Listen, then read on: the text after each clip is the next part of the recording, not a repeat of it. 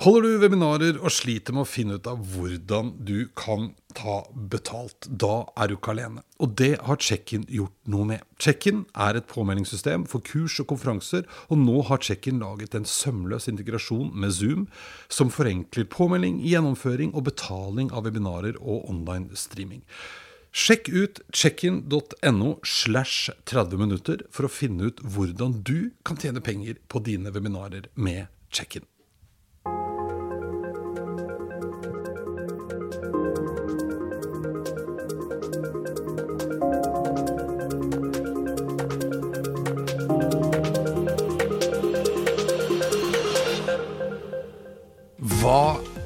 Egentlig strategisk kommunikasjon? Hvorfor er det så viktig? Dagens gjest har jobba med dette i mange år. Hun er utdannet siviløkonom fra Handelshøyskolen i Bergen og har bakgrunn fra Hakon-gruppen, har vært markedsdirektør i Posten Norge og er i dag ansvarlig for kommunikasjon i KLP. Hun heter Gro Myking, og i dag så snakker vi om hvordan kommunikasjon har endra seg, hvorfor strategisk kommunikasjon er så viktig, og hvordan det er å være leder i dag og i triden fremover. Dette det er 30 minutter inn i fremtida, og jeg er Eirik Normann Hansen. Hei, Gro. Hei. Velkommen. Takk. Du fant fram.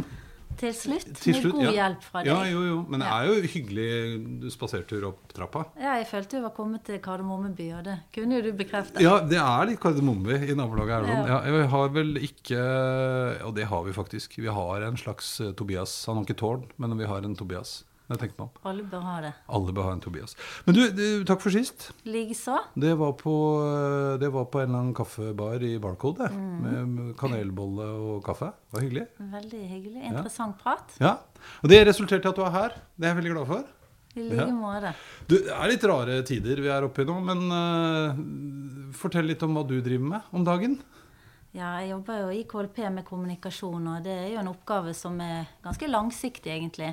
Eh, når korona inntreffer, så må jo vi som alle andre snu om på planer og gjøre det beste vi kan, men fortsatt med det langsiktige eh, målet da, om eh, hva vi skal være for våre, våre målgrupper. Så eh, jeg syns det har gått egentlig utrolig bra sånn arbeidsmessig. Det må jeg si. Altså Fra dag én så hadde vi etablert nesten hele bedriften på å jobbe hjemmefra.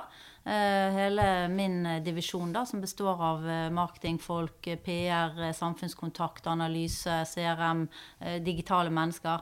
Eh, alle sitter og drar lasset sammen, eh, selv om ikke vi er i samme lokale. Og det er jo litt sånn spennende, egentlig. For jeg hadde liksom trodd at nei, vi er så spesielle. Vi jobber med kommunikasjon. Vi er så avhengig av å sitte sammen, sosialisere, være kreative sammen.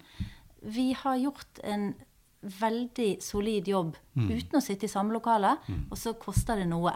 For det at eh, vi blir litt slitne av å bare være effektive. For det er det som inntreffer. Man blir så effektiv. Man får produsert, levert, gjort eh, leveranser. Eh, men vi savner alle selvfølgelig det der eh, menneskelige. Ja. For det, det går vi glipp av nå. Det gleder vi oss til, alle sammen. Eh, å kunne møtes. Men, men det er litt interessant òg, synes jeg. Altså. Dette gjør jo noe med oss. Vi har jo sett at det går an å gjøre ting litt annerledes enn det vi gjorde før. Ja, altså Uten tvil. Og vi måtte jo skru om på mye av det vi hadde tenkt å egentlig ha på luften, da, eller på nettsidene våre og all kommunikasjon. Hele Norge ble opptatt av helt andre ting enn det som vi hadde planlagt at man skulle være åpen for. Så vi tok en del eh, beslutninger som resulterte i å måtte lage mye nytt materiell. Og det gjorde vi på fjernstyring med våre dyktige partnere, reklamebyrå, designbyrå, eh, produksjonsfolk. Eh, det gikk så smooth, altså. Så vi har jo vist at sammen kan vi gjøre utrolige ting på kort tid. Og det tenker jeg er litt deilig. Men, og, og så har det jo blitt litt sånn Det er jo noen sånne eh, eh, si etablerte sannheter før hjemmekontor før, for veldig mange. Det var litt sånn ting man noen ganger var nødt til å gjøre fordi det kom en rørlegger. Det var liksom, ja, men det var jo litt sånn. Mens nå er det Jeg jobber litt der jeg er. Det har jo åpna opp for mange liksom, mye mer fleksibilitet. Ja, kan være veldig. Ja. Og det merket meg en kollega nå eh, for en måneds tid siden. Da dro vi, Noen ganger må du ut og være med på en produksjon. Da, så da dro vi opp til Helgelandskysten, til en bitte liten kommune som heter Rødøy kommune. Og den blir omtalt som Norges vanskeligste kommune å drive. For det at det er tolv, nei, ti øyer er det, også fastland. 1200 innbyggere, og alt dette her skal liksom fungere, da. Så vi intervjuet rådmannen der oppe. Fantastisk eh, dyktig person. Eh, men på denne turen, da, og da var vi litt i bærekraftens tegn, så vi istedenfor å ta fly, så tok vi først toget til Mo i Rana, og så ned til Trondheim, Mo i Rana. Eh, leiebil, ferge, kjøring. Så vi brukte jo altså 24 timer på den turen. Og i løpet av de 24 timene så hadde vi møter på toget, på fergekaien, eh, i bilen. Altså Før korona hadde vi jo bare sagt at du, vi er på reise. Ja, Så vi kan ikke være med på noen møter. Du bare gjorde alt som normalt. Ja? Så lenge det, var synes er dekning Ja, ja. Ja. Mm. Men det er det jeg syns er litt eh, deilig, faktisk. Eh, og så er det viktig å koble av litt innimellom, men, men jeg syns det er noe fascinerende med Men du, eh, kommunikasjons... Nei, heter det kommunikasjonsdirektør? Markedsdirektør? Konserndirektør for kommunikasjon og marked Ja, i KLP. i KLP. KLP, hva er KLP? KLP er Norges største pensjonsselskap. Og det som er spesielt med KLP, det er at vi er eid av Kommune- og Helse-Norge. Så vi passer på pensjonene til alle de som jobber i Kommune- og Helse-Norge. Eller de fleste, i hvert fall. Eh, og for noen har egne pensjonskasser og sånt nå. Eh, men vi passer da på hele den enorme pensjonskapitalen på 750 milliarder, og sørger for at den gir god avkastning, sånn at de får pensjonen de skal ha i fremtiden.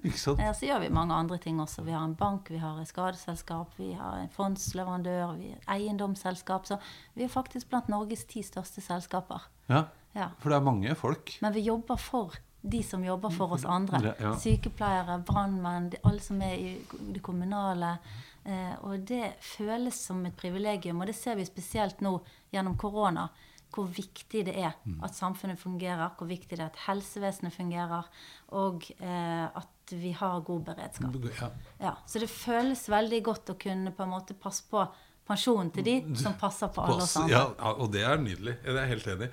Men du har jobba med kommunikasjon, strategisk kommunikasjon. Vet at du er veldig opptatt av eh, hva, hva, er, hva, hva tenker du at strategisk kommunikasjon er? Det er et stort begrep. Ja, så jeg tror at eh, kommunikasjon og strategi det er uløselig knyttet. Og hvis man skiller kommunikasjon fra strategien, så har ikke kommunikasjon noe mening, egentlig.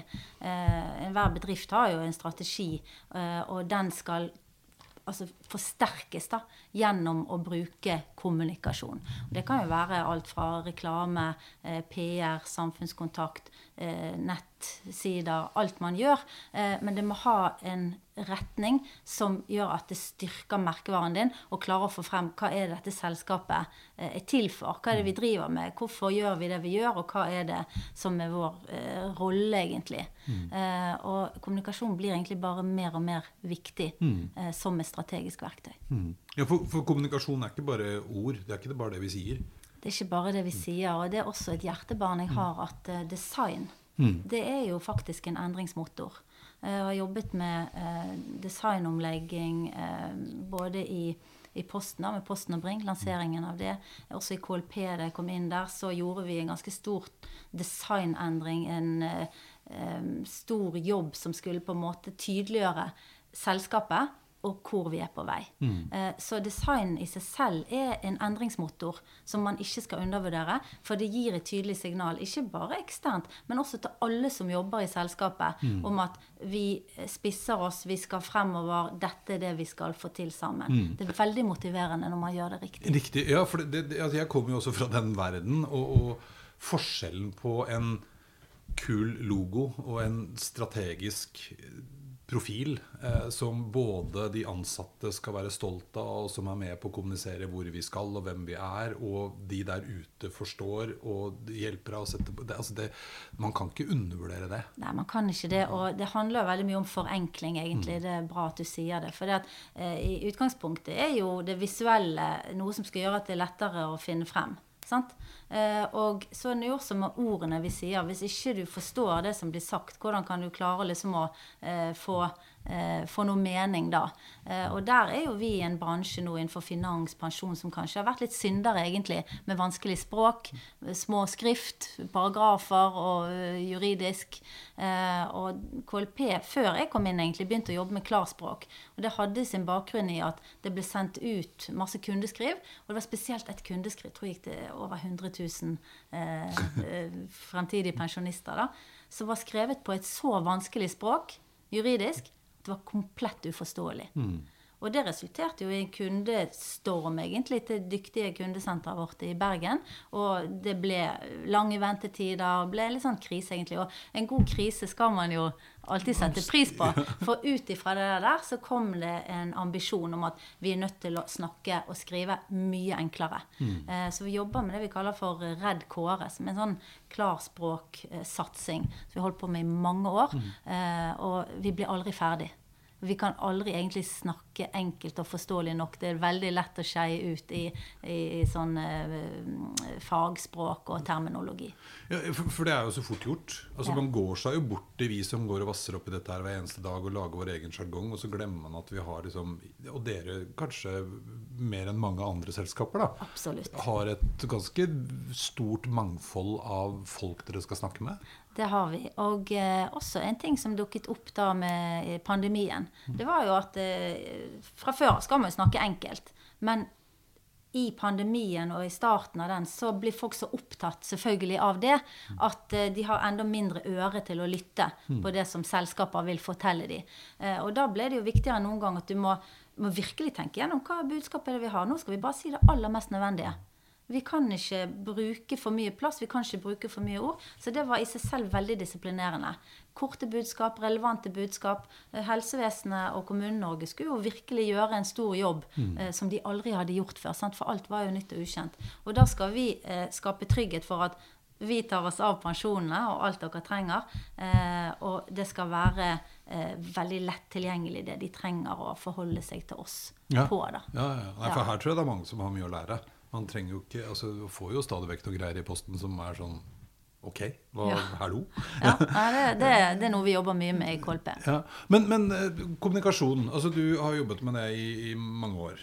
Uh, har det endra seg mye fra liksom når du kom ut nyutdannet og fin fra Handelshøyskolen? Det har endret seg enormt. Og kanskje den største endringen som jeg har registrert, det er egentlig hvordan man jobber sammen med partnere. Mm. Uh, da jeg begynte å jobbe med dette i sin tid, så opplevde jeg på mange måter at uh, man sendte bestillinger til type reklamebyrå eller strategiske partnere, og så var det, det var en brief. Og så kom det en debrief, og så eh, til slutt så kom det noen kampanjer som du skulle liksom tommel opp eller ned, og så skulle dette på luften. Og da var det liksom Da var vi i mål. Men det der er jo helt borte. Mm. Eh, nå er det jo kontinuerlig utvikling. Man utvikler mye mer selv. Det må gå fortere. Man har mer kompetanse inhouse. Mm. Og det er ikke til noen forkleinelse for byråene, egentlig. For vi trenger fortsatt gode partnere, spesialiserte partnere. Vi kan ikke alt sjøl. Men våre folk, og i min divisjon, der må vi ha journalister. Vi må ha ehm, eh, videojournalister. Eh, vi må ha folk som kan eh, tenke produksjon på en helt annen måte. Mm. Vi må ha folk som kan lansere ting på events. Vi må ha mye mer eh, produksjonskapasitet og kompetanse, som tidligere nok vi lente oss veldig mye på byråene mm, for. Mm. Men jeg opplever at det blir egentlig totalt sett et løft. Ja. Både for bransjen og for eh, den type ja, kommunikasjonsmiljø som, som, som, jeg har ansvaret for. Ja, Men det tror jeg òg. For jeg husker vi snakket mye om det i, i mitt forrige byrå òg. For det var noe med at nå så treffer man kunder som har mye, mye høyere kompetanse. Noen ganger til og med høyere kompetanse på en del områder enn det vi som byrå hadde. Eh, men det gjør jo også at de tingene vi skaper sammen, blir jo fantastisk mye bedre. Ja. Det er jo mer spennende å jobbe også. Ja, men det er jo det. Fordi En mm. kommunikasjonsavdeling for, for 10, og 15 og 20 år siden, det mm. var jo ikke så mange folk. Nei, det var mer bestiller ja, på en eller annen ja, måte. Ja, Selvfølgelig strategisk så måtte man jo være god da i mm. bunn.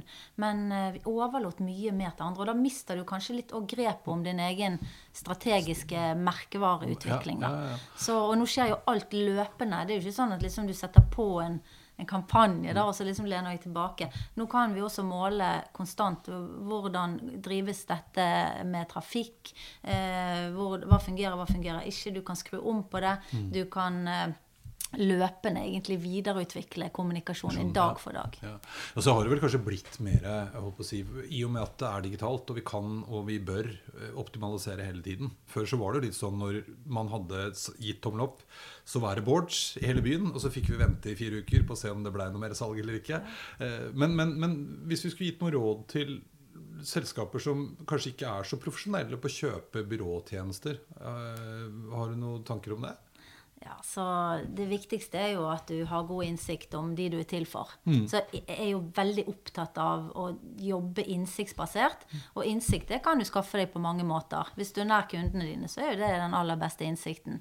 Eh, Så fins det jo mye metodikk. Ja, og- og spørre dem, rett og slett. Ja, ja. Ja. Eh, og hvis man begynner å virkelig lytte til kundene og forstå hvordan du er eh, en god partner for dem, eh, så er jo jobben i seg selv rent praktisk. Eh, og har du mye kommunikasjon du skal gjøre, så må du jo kanskje òg kjøpe en del tjenester. Men det er jo veldig mye man faktisk kan gjøre selv også. Eh, på det digitale og på eh, å skrive og på å produsere. Vi har jo som sagt veldig mye av den kompetansen, veldig mye av kommunikasjonen. Hva gjør vi in-house nå? Eh, det gjør vi. Men, men hvis du jeg vet ikke om du, du klarer å, å forestille deg det, men hvis du skulle starta i et mindre selskap nå som ikke hadde noen kommunikasjonsalder For veldig mange har jo ikke det. Liksom, hva, hva slags kompetanse ville du eh, tenke at man trengte eh, først å ha inne? For et lite firma kan liksom ikke ha hele smæla sånn, som- sånn som du kan nå. Men, men hva ville man burde prioritere? Eh, Det viktigste er kanskje at den som har ansvar for kommunikasjon, er en virkelig strategisk hjerne. Og på en måte er veldig om bord med hva selskapet skal oppnå, og klarer å se kommunikasjonens rolle som en motor til det. Eh, og selvfølgelig avhengig av bransje og sånn, så er det jo forskjellige virkemidler man skal ha. Men du kommer veldig langt med eh, kanskje en god kollega som er god på å skrive. Eh, som eh, også forstår på en måte bildebruk og merkevarens eh, elementer. Da, Sånn at det blir helhetlig og, og tydelig. Eh, og som kan klare å drifte egne kanaler, sosiale medier. Ja, ikke sant? Fordi bør man vel Hva tenker du om det? Bør man eie de sjøl, eller kan man sette det bort? Sosiale kanaler. Vi har ikke satt det bort. Nei. Eh, Det ville føles som det var litt langt unna. Ja, ja, ja. Men jeg skal ikke si det helt sikkert. for jeg- har jo aldri gjort det. Men jeg opplever jo at vi er veldig tett på uh, både de vi snakker til gjennom å drive sosiale medier selv, med alt engasjement Mm. vi får, uh, og også at vi kan jo vår virksomhet. Ja. Så det blir ikke så mange ledd. Ja, jeg, jeg, nå, det var egentlig ikke et spørsmål, men mer en sånn betraktning. For jeg leide inn noen, og jeg opplever at mange av de spesialistbyråene altså, de- Jeg jobbet med et i sommer, VU, det kan jeg jo si. Jeg er ikke noe farlig i det hele tatt. For det var fantastisk. altså De var utrolig imponerende flinke til å nærmest opptre som ansatte. Altså Deres sånn vilje til å sette seg inn i hva det var vi drev med, og hva det var vi skulle, Ja. eh, var ganske unikt. Men jeg tenker igjen når man er så stor, det er jo litt interessant når man er så stor som, som det dere er også, så blir det kanskje nesten viktigere å ha kontroll på det sjøl. Ja, men jeg skal som sagt ikke være kategorisk på det. Vi Nei, nei. har ikke hatt noe sånn full eh, på en måte outsourcing av det, og det fungerer for mange. Og det er også mange gode folk man kan knytte til seg, som kanskje kan jobbe sammen i en periode. Ja. Om de er på en måte interne eller eksterne. Sånn som vi jobber nå, så sitter jo alle på hver sin PC og, og forholder seg til hverandre likevel. Så jeg tror at det finnes mange modeller, Eirik. Mm. Det er veldig spennende. Men eh, strategisk kommunikasjon det har vi liksom etablert nå, og, og eh, det er du opptatt av. Hvordan tror du det kommer til å bli videre fremover? Tror du vi kommer til å liksom fortsette? Det har jo vært en helt vill endring. Eh, Kommer den til å gå like fort, eller kommer vi til å Jeg vet ikke. Ja, så eh, Det er veldig vanskelig å si, selvfølgelig. Men jeg kan jo gi noen refleksjoner på hva det som har opplevd så langt, og hva jeg tenker det betyr for fremtiden. Eh, Da pandemien inntraff, så vrei jo mange på kommunikasjonen sin.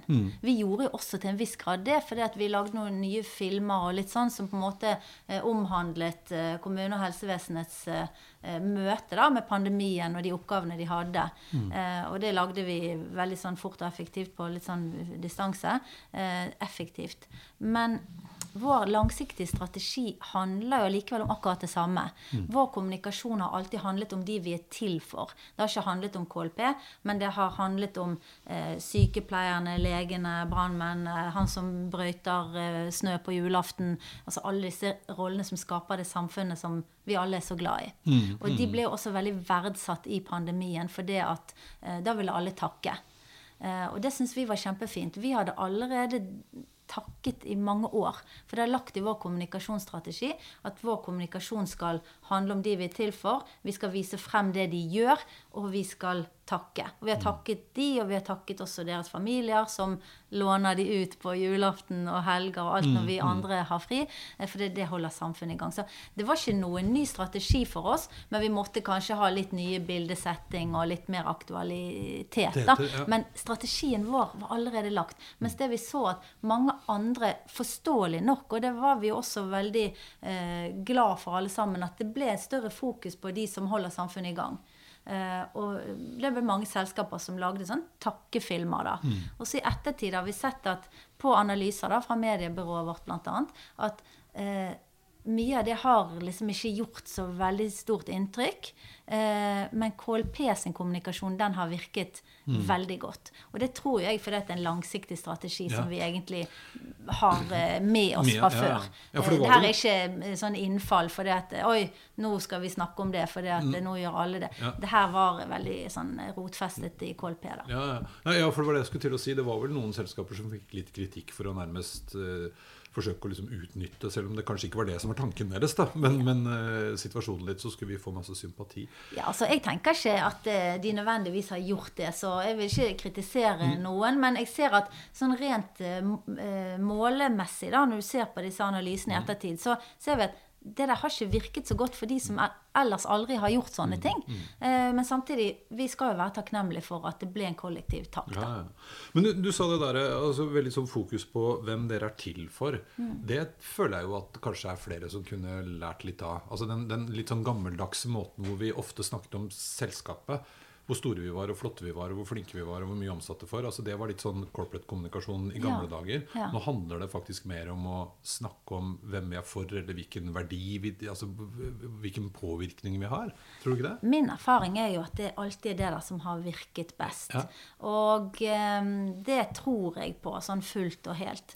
Men samtidig, altså mange selskaper, og kanskje av og til vi også, har, har jo veldig lyst til å fortelle ting om oss selv som vi syns er, er viktig. Mm. Men hvis du begynner liksom å avstemme det der og virkelig forstå eh, ja, de som, som jobber der ute, i vårt tilfelle, da, så er jo det ikke alltid sånn at de syns at det er like viktig som vi syns selv. Nei, nei. Så et råd fra meg egentlig er jo å virkelig gå i sømmene på hvor interessant er det for andre, det du har lyst til å si. Ja, for, for jeg husker det når, når man plutselig kunne begynne å i, ja, faktisk i, i realtid da, måle hva som funka og hva som ikke funka, så, så var det også i, i byrået jeg jobbet i, veldig lett å se når vi hadde lyst til å skryte at vi hadde vunnet en pris eller vant en, eh, en kontrakt, så var interessen sånn helt middels der ute. Mens når vi snakket om hvordan lykkes med netthandel, eller, ikke sant, da var det mye høyere interesse. Eh, så det, jeg tror litt på det. Altså. Og vi jobber jo med pensjon, og pensjon i seg selv er jo noe som eh, ligger langt frem i tid for de fleste, og man får ikke så veldig stor interesse for det egentlig før man nærmer seg pensjonsalder. Det er litt avskrekkende, det er litt vanskelig. Man stoler på at liksom eh, systemet gjør at jeg kommer til å få det bra. Eh, og man har egentlig ikke så lyst til å snakke eller lese så mye om det, for man har en litt sånn underliggende frykt at oi, det der burde jeg egentlig sette meg inn i, men jeg orker ikke akkurat nå. Så det er mye sånn mental greie her.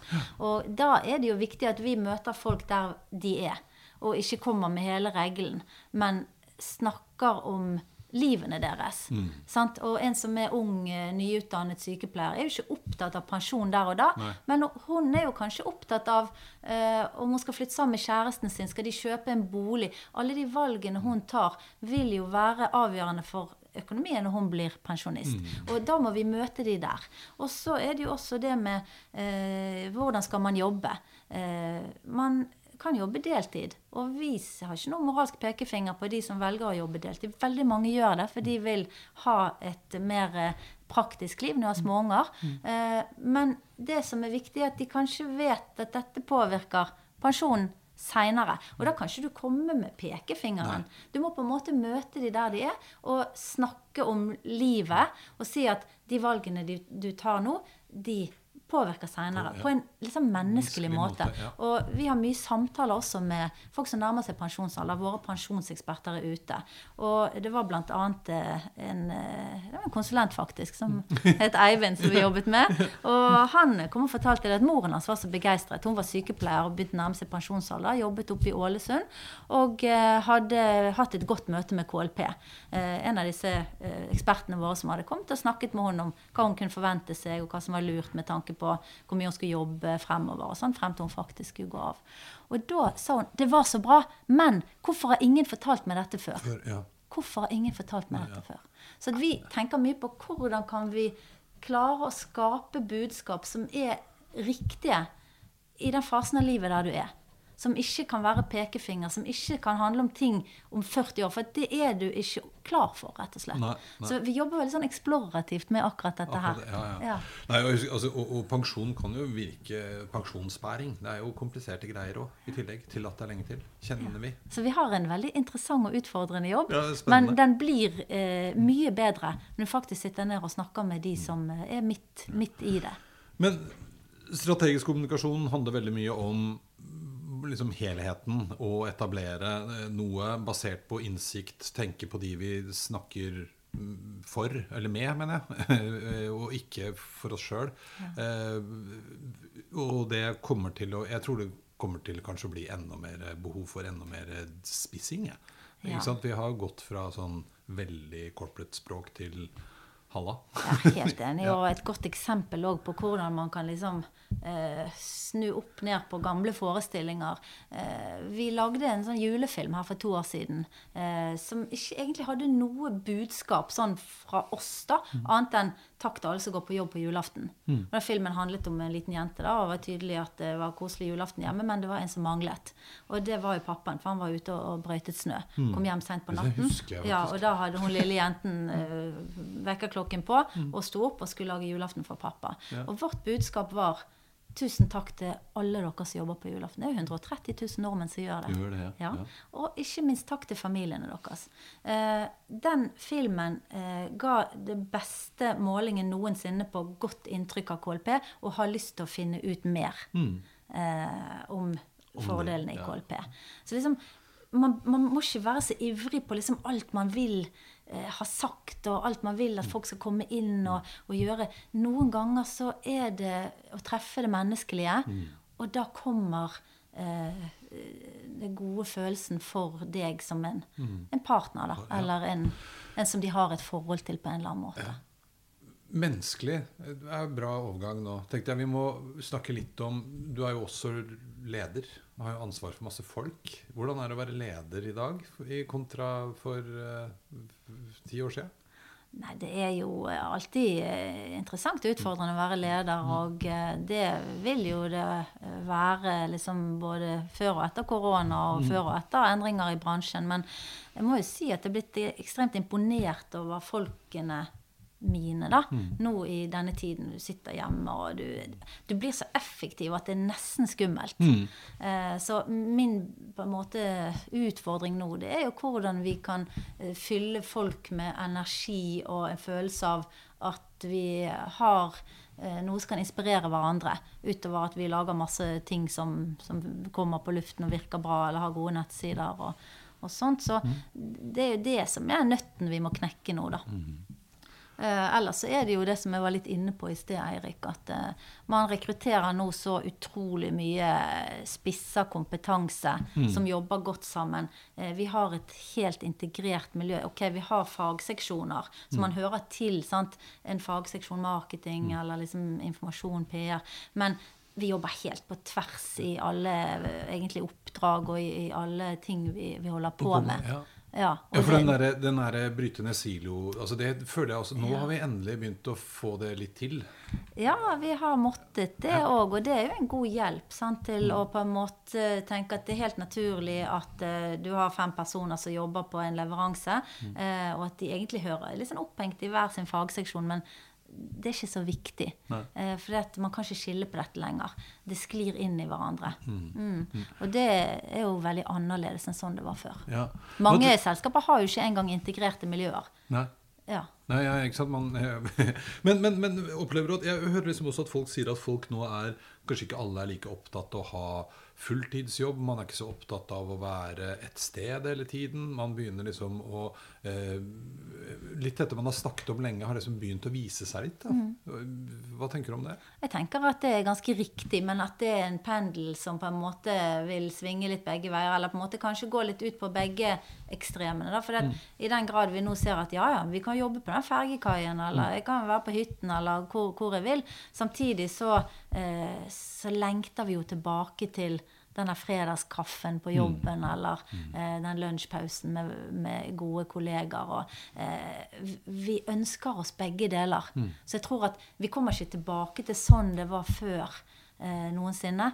Men elementer av det, det, det, må vi finne frem til igjen. For å ja, for, ha det bra, da. Ja, jeg, Det er litt morsomt å si, fordi jeg, erfaringen min nå med de jeg har snakket med, er at det virker som om man bruker andre kriterier for å prioritere de få fysiske møtene vi nå tross alt kan ha. Ja. Eh, hvor man før ble veldig drevet av liksom forretningsmål. Var det en viktig kunde, så var det ikke noe å diskutere. Da fløy jeg til Harstad hvis det var det om å gjøre. Mens nå er det kanskje sånn at nå er det veldig lenge siden jeg har sett deg, så jeg har ja. lyst til det. Selv om det møtet vi skal ha, kanskje ikke er det viktigste sånn forretningsmessig. For alt det andre er liksom greit å ta eh, digitalt. Mm. Eh, og det syns jeg er litt morsomt at man kanskje da velger samlinger der hvor det gir en noe mer enn bare at vi skal møtes. Jeg tror du har helt rett i, og jeg tror vi kommer til å styre veldig mye etter det du snakker om der.